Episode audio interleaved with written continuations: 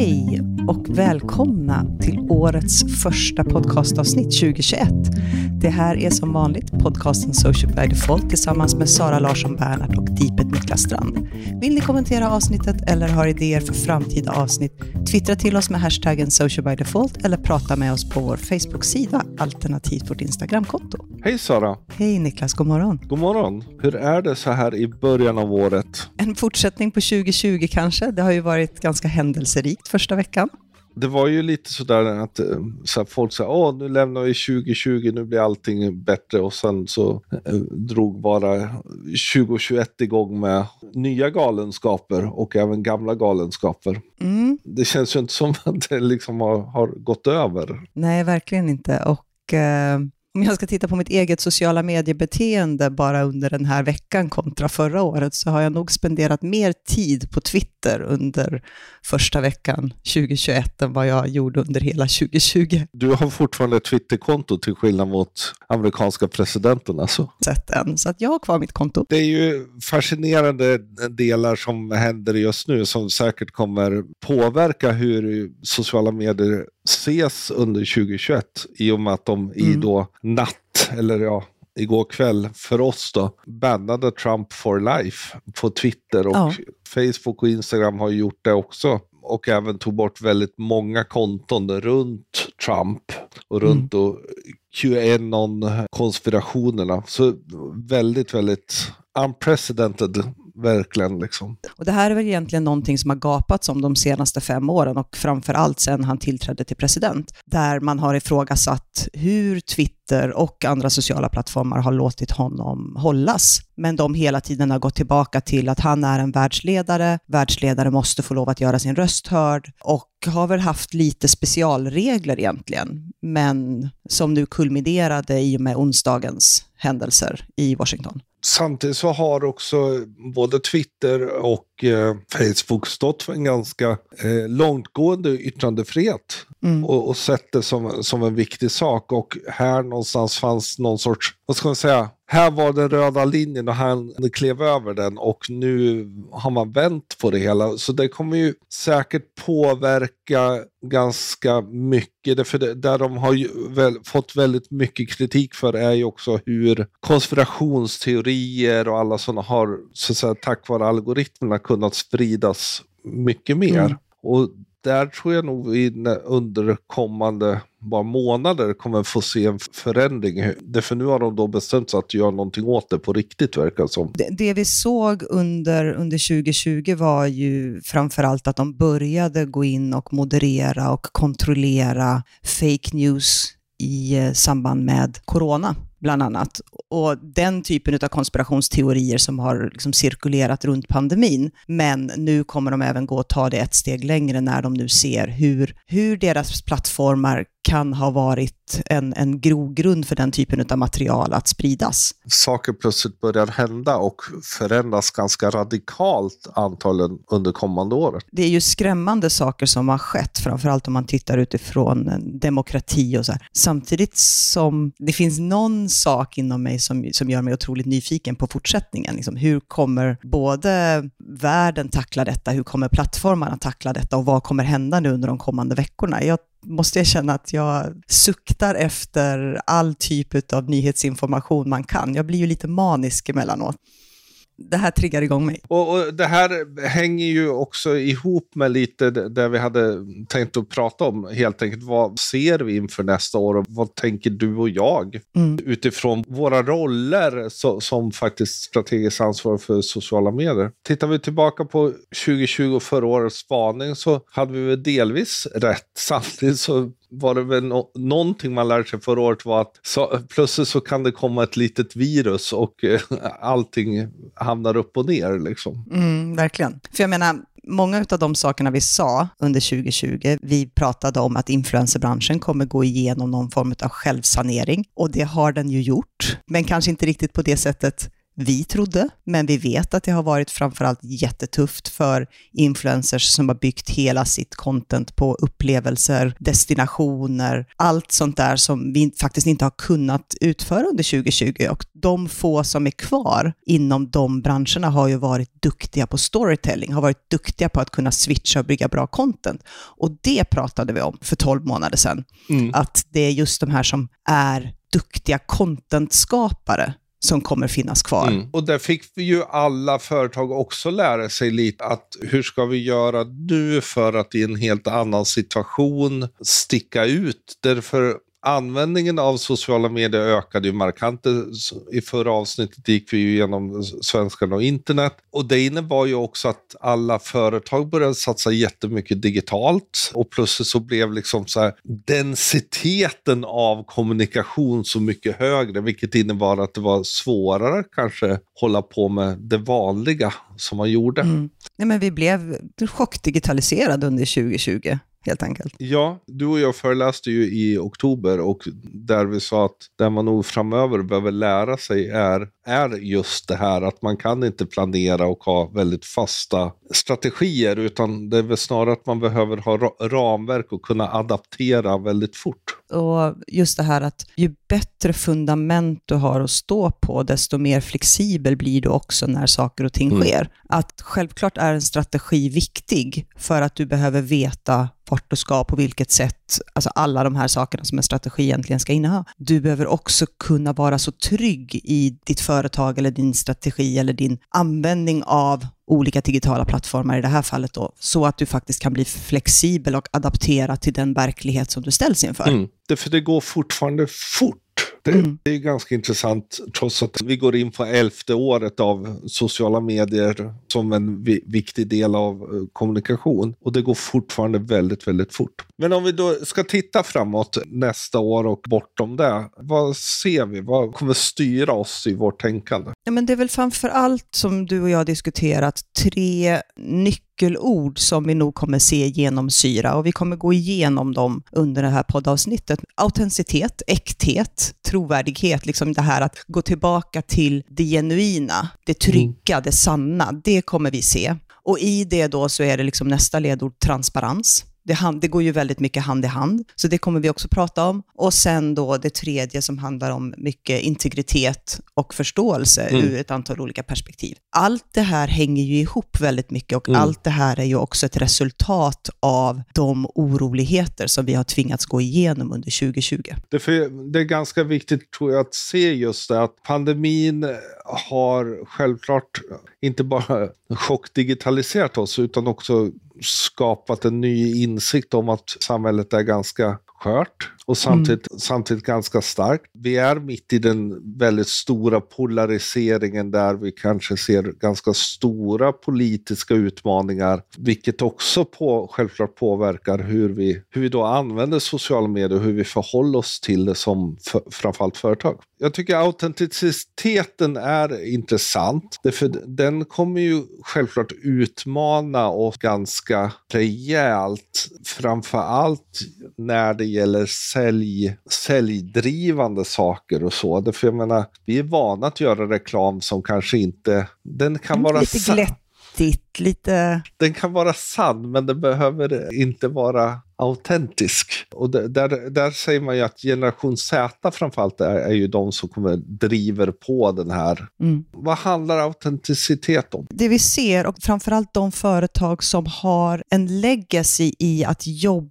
jobba med väldigt stort fokus på varumärkesbyggande kommunikation, där autenticiteten har varit en väldigt stor drivkraft, där de har lyckats jobba med storytelling, mycket evergreen content, tangerat på en äkthet som har skapat trovärdighet i relationerna med sina kunder eller lyssnare eller vem, vem den, de nu vänder sig till. De kommer att ha det lättare, för de har redan en vana i att arbeta med den typen av innehåll. Mm. Det har vi också sett under 2020 2020 när just det du säger, det här liksom kanske mer reklamiga, säljiga, glättiga, inte har funkat. Mm. De företag som då har haft det här eh, autentiska storytellingen och äktheten har klarat sig mycket, mycket bättre. Mm. Och det kommer ju fortsätta, för att även om det är ett nytt år, så är vi fortfarande i samma situation. Mm. Och jag, jag tror äv, även om nu eh, vi ser plattformarna satsa mycket mer på communities och liksom försöka driva upp mycket mer relationsskapen så tror jag också att i autenticitet-tanken ligger i också någon sorts,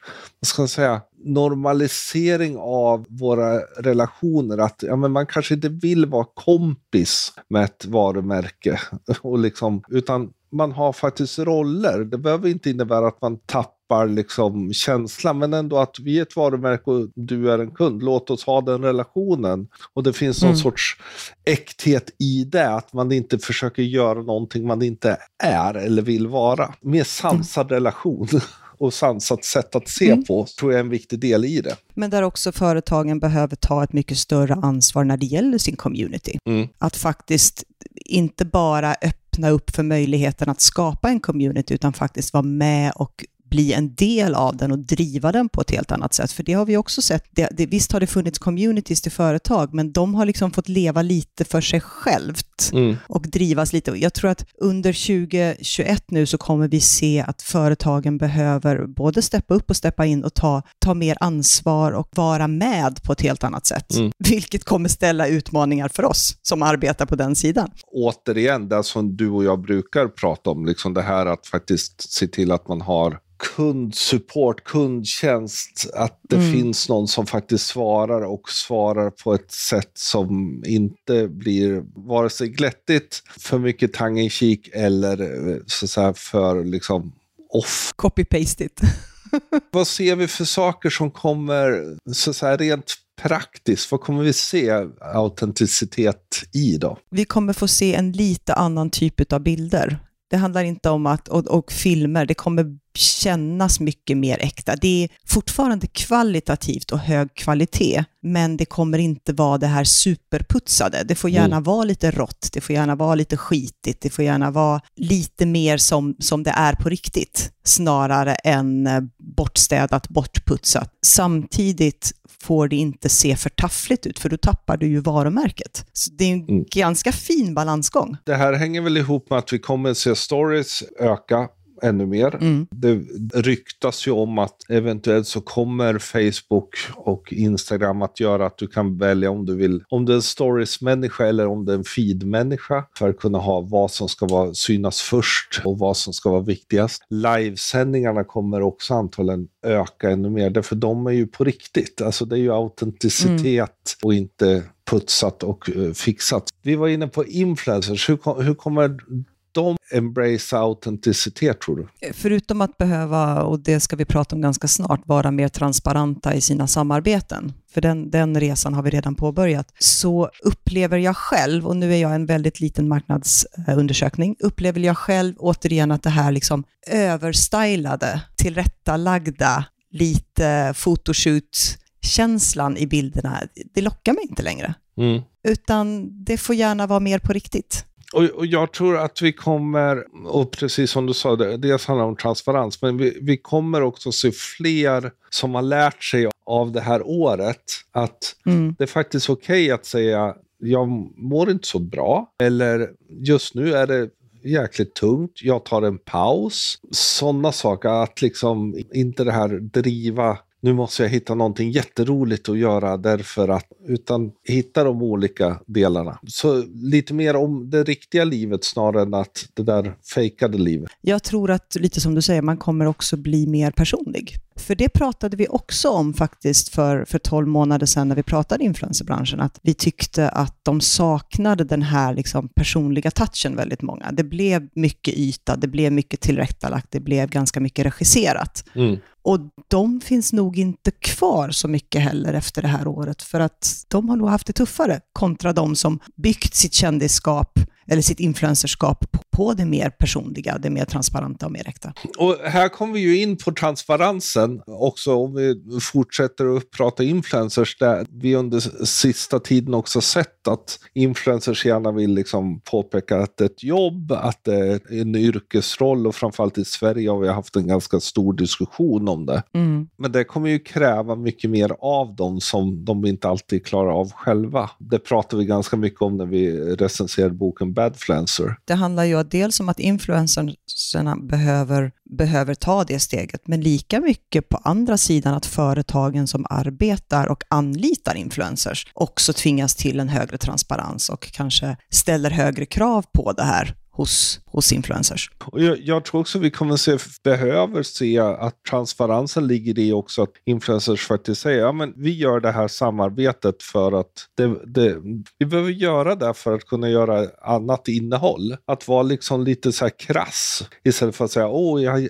det här schampot gillar jag nu och så sen veckan efter så är det ett annat schampo. Utan var mer krass att nej men gör jag det här samarbetet med dem, jag ty, har testat det här, jag tycker det är faktiskt rätt schysst och det här är mitt sätt att vad heter, göra det här jobbet. Liksom. Någonting som vi också kommer kunna se, tror jag, är influencers som också går in i en annan typ av samarbete. På samma sätt som företag har tvingats att gå in och bli mer purposeful, uh, purpose branding, att jobba för a, för a greater cause, Mm. att visa hur man ger tillbaka till samhället, så tror jag att vissa influencers kommer också se den typen av samarbete som en förlängning att faktiskt bli mer värdefull i sin yrkesroll att faktiskt visa att jag gör det här samarbetet med jag vet inte, Barncancerfonden eller Rädda Barnen eller Håll Sverige Rent eller Clean Oceans för att faktiskt någonstans kunna påverka med den tyngd man har men också bygga sitt eget varumärke lite på ett annat sätt. Och jag tror också att, att det kommer handla väldigt mycket om att förstå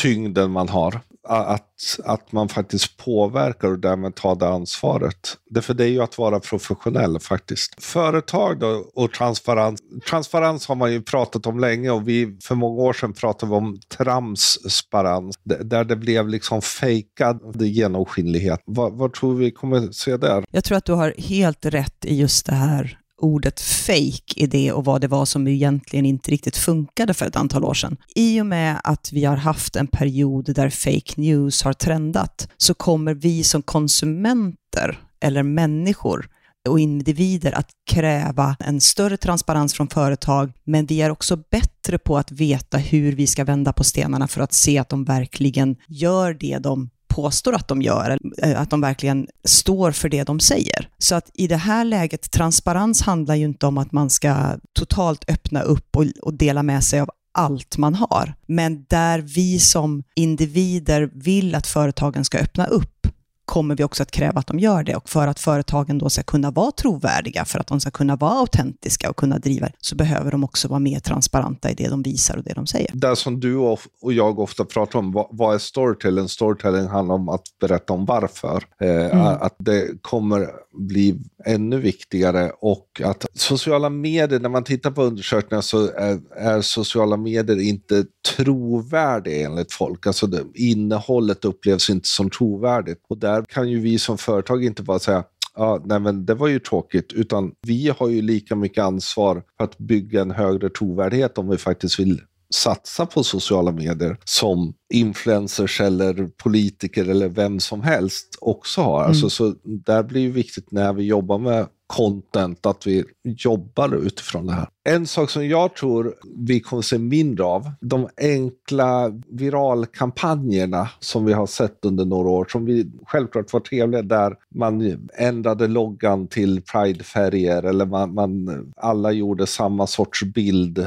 som företag och hakade på mm. alla de här. Jag tror vi kommer se färre sådana saker eftersom vad är det för trovärdighet i liksom att ett svenskt företag sätter en svart ruta? Liksom? Vad ligger trovärdigheten i det? Och det, när man tittar sen på det företaget så är det bara vita medelålders män som jobbar där. Liksom. Och det märkte man ju under Black Lives Matter-rörelsen, att det var ett antal svenska bolag som faktiskt trampade rätt snett jag, jag, tror precis som du att vi kommer se en, en större förståelse från företag, eller kanske lite rädsla i att vi kan inte hoppa på allt bara för att vi ska hoppa på den här virala trenden, utan faktiskt fundera på, är vi rätt för det? Kan vi stå för det? Och är det rätt kontext som mm. gör att vi faktiskt kan bygga varumärket genom mm. att göra någonting? Och det handlar ju om äktheten, alltså autenticiteten mm. återigen. Kan vi vara äkta i det här? Är det någonting vi faktiskt kan stå för rakt igenom? Sen, sen hoppas ju jag självklart att det kommer andra typer av virala mems och liknande som man kan hoppa på som företag. Jag tänker lite som Dolly Parton Challenge, alltså det här mm. roliga mm. där man vågar göra det. Men jag tror att när det gäller de här tyngre samhällsförändrande kampanjerna som går, eller händelserna som sker, typ eh, Black Lives Matters, att man borde fundera en eller två gånger innan man hoppar på det. Jag tror att företag har lärt sig av det. Se till också att gör man det, går man med i sådana saker så ska man också berätta varför man ska vara transparent och äkta i i sitt engagemang i, i den och inte bara säga till att nej men nu gör vi det. Och så sen Eh, business as usual. The privacy era var det någon av de eh, undersökningar jag har läst som, som börjar prata om att vi är inne i och det är ju ganska intressant för oss, för dig och mig som har varit med väldigt länge, att vi har gått verkligen från att sharing is caring och allt öppet och jag menar när jag började göra kampanjer på sociala medier kunde man verkligen få tag på all, all möjlig data. Eh, och idag så är det tvärtom, verkligen. Mm. Men återigen, vi som sitter och jobbar med den typen av kampanjer, den typen av data som vi kan komma åt och den typen av data som folk tror vi kan komma åt, men vi kanske inte riktigt kan. Ja, vi behöver bli dels mer transparenta återigen när det gäller användningar av pixlar och hur vi bygger målgrupper och liknande, men också fundera på hur personifierat vill vi att det ska kännas. Mm. Det får ju inte bli stalkervarning. Nej. Och jag tror att där behöver vi ta ett litet steg tillbaka så att folk känner att vi inte är inne och rotar i deras personliga integritet och hittar saker om dem på ett sätt som gör att de känner sig lite obekväma. Även om det blir svårare och svårare att få tag på data så är, finns ju väldigt mycket data och faran med marketing automation, all big data, blir ju också att det blir liksom antingen sliskigt eller skrämmande när man plötsligt får någonting. Ja, men det här, hur fan vet ni det här? Liksom. Mm. Eh, så, så där får vi ju vara noggranna med att hela tiden tänka utifrån beteenden och utifrån hur vi människor fungerar när vi gör det här. Det tror jag kommer vara väldigt viktigt. Man får sätta lite etik och moral kring sin egen användning av den här datan som ja. vi kan få tag på och fundera på, okej, okay, utifrån affären så kanske jag ska lägga på de här två, tre, fyra parametrarna till. Men är det etiskt rätt att göra det? Eller vad, man väger det här, vad vinner jag kontra vad kan jag förlora? Mm. Efter ett år som har varit ganska turbulent, där mycket av det här också har diskuterats, så tror jag att vi vinner på att faktiskt ta ett eller två steg tillbaka och tänka att okej, okay, det räcker här. Vi når vårt mål, vi behöver inte ta de här extra mm. två stegen. Mm. Och så får vi se vad som händer om ett antal månader eller om något år där vi känner att okej, okay, vi kanske kan gå tillbaka till det. Sen tror jag ganska viktigt om man går ner i någon sorts taktisk del, att jag menar, jobbar man med e-handel eller försäljning och sånt saker, att titta faktiskt på plattformarnas egna e-handels e-komplatser. För det kommer komma väldigt mycket och där kommer det ju fortfarande ändå vara så att då är det de som står för det. För jag menar många gånger när man går in och handlar, ja men man har ju handlat väldigt mycket e-handel nu under pandemin. Alltså det mm. är lite scary och man känner, kan verkligen ibland känna att, ja men vad är det här för jävla betalningslösning de har hittat på som man inte känner igen. Också skapa tryggheten, integriteten det handlar ju om trygghet och det tror jag är en väldigt viktig del. En sak som jag tror, vi behöver omfamna GDPR och ekom istället för att hela tiden försöka hitta kryphål och väga runt det, hur jobbigt det mm. än är. Tycker jag att man kan märka också, framförallt när det gäller de här webbinarierna eller när det gäller saker att ladda ner, att där ju fler uppgifter du ska fylla i, desto större är tröskeln för att faktiskt signa upp eller signa in eller ladda ner det. Jag mm. tror att företag behöver hitta en balans där också. Mm. Att titta på vad kan vi faktiskt dela med oss utan att plocka in varenda datapunkt eller varenda liten grej vi vill veta om mm. den här användaren, för att vara schyssta, tillbaka till det här vi har pratat mm. om tidigare. Och sen kommer vi se algoritmförändringar hos plattformarna som hänger ihop med ja, det vi började att prata om med fake news och det kommer ju påverka oss också hur vi jobbar och förhoppningsvis gör dels det organiska återigen lite viktigt, mm. viktigare än förut, men också nivellerar hur köpta faktiskt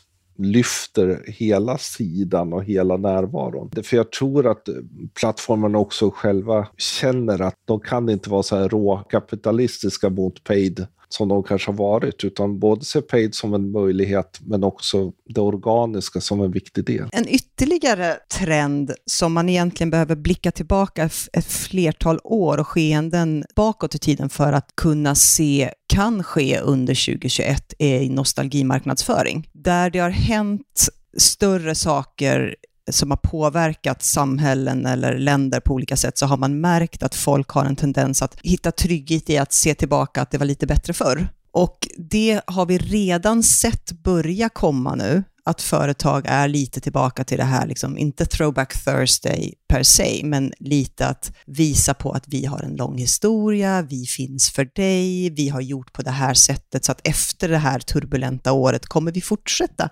finnas för dig på sättet vi har. Men en addering till det för att balansera kommer också vara en framåtblickande marknadsföring. Mm. Att faktiskt tända hopp hos individer att när det här är över så kommer vi se det här. Att man väcker de här drömmarna igen bortom horisonten mm. för, för pandemin. Så under 2021 så kommer vi kunna se den balansen av nostalgi och framtid vilket kan vara ganska spännande. Det är ett intressant år vi går in i. Det kommer säkert vara ganska mycket turbulens och lite som vi var inne på att man kommer inte riktigt klara av att köra business as usual. Och det är ju också där det kanske finns en glitch idag. För jag menar som företag som nu har liksom försökt överleva under de senaste tio månadernas turbulens, som du säger. Här finns det liksom en önskan att kunna komma tillbaka till business as usual. Men som individ är man fortfarande väldigt mycket i och påverkad av pandemin.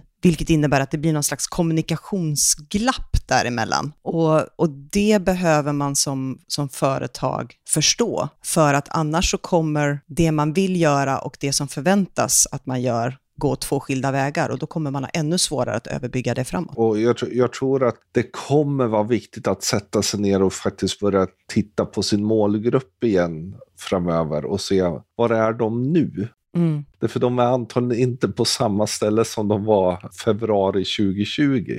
Det är ganska spännande, som hänger då ihop med de här sakerna vi, vi har pratat om. Det var de trender som vi kan se kommer kunna påverka det kommande året 2021. Självklart kommer det precis som vi började, händer det någonting som ställer allting på sin spets igen, ja, då sitter vi här kanske om 12 månader igen och säger att det blev inte riktigt som vi sa, men ändå. Men det är också det som gör det här jobbet så otroligt spännande, att faktiskt kunna använda sin erfarenhet och titta både bakåt och framåt för att sen kunna jobba agilt i det. Så det var det vi hade. Tack för oss. Vi lägger in eh, de länkar vi har i våra show notes och de hittar ni som vanligt på podcast.socialbydefault.se. Glöm inte att prenumerera på oss. Vi finns på Spotify, Apple Podcaster, Soundcloud, Acast och Stitcher och det är bara att söka på Social by Default. Om ni gillar podcasten, ge den jättegärna betyg och recensera den väldigt gärna. Det är jätteroligt att läsa dem när det kommer. Och som vi tidigare sagt, tyck till. Hashtaggen är eh, Social by Default. Vi finns på Twitter, vi finns på Instagram, vi finns på Facebook. Prata med oss. Kom med vilka trender ser ni eh, kommande? Så kan vi fortsätta diskussionen där och skapa community. Vill man prata med oss personligen och se vad vi pratar om förutom sociala medier så kan man eh, hitta mig som at deeped precis överallt. Och jag heter Sanasi LB överallt. Gott nytt år och god fortsättning på oss. Ha det gott. Hej då. Hej då.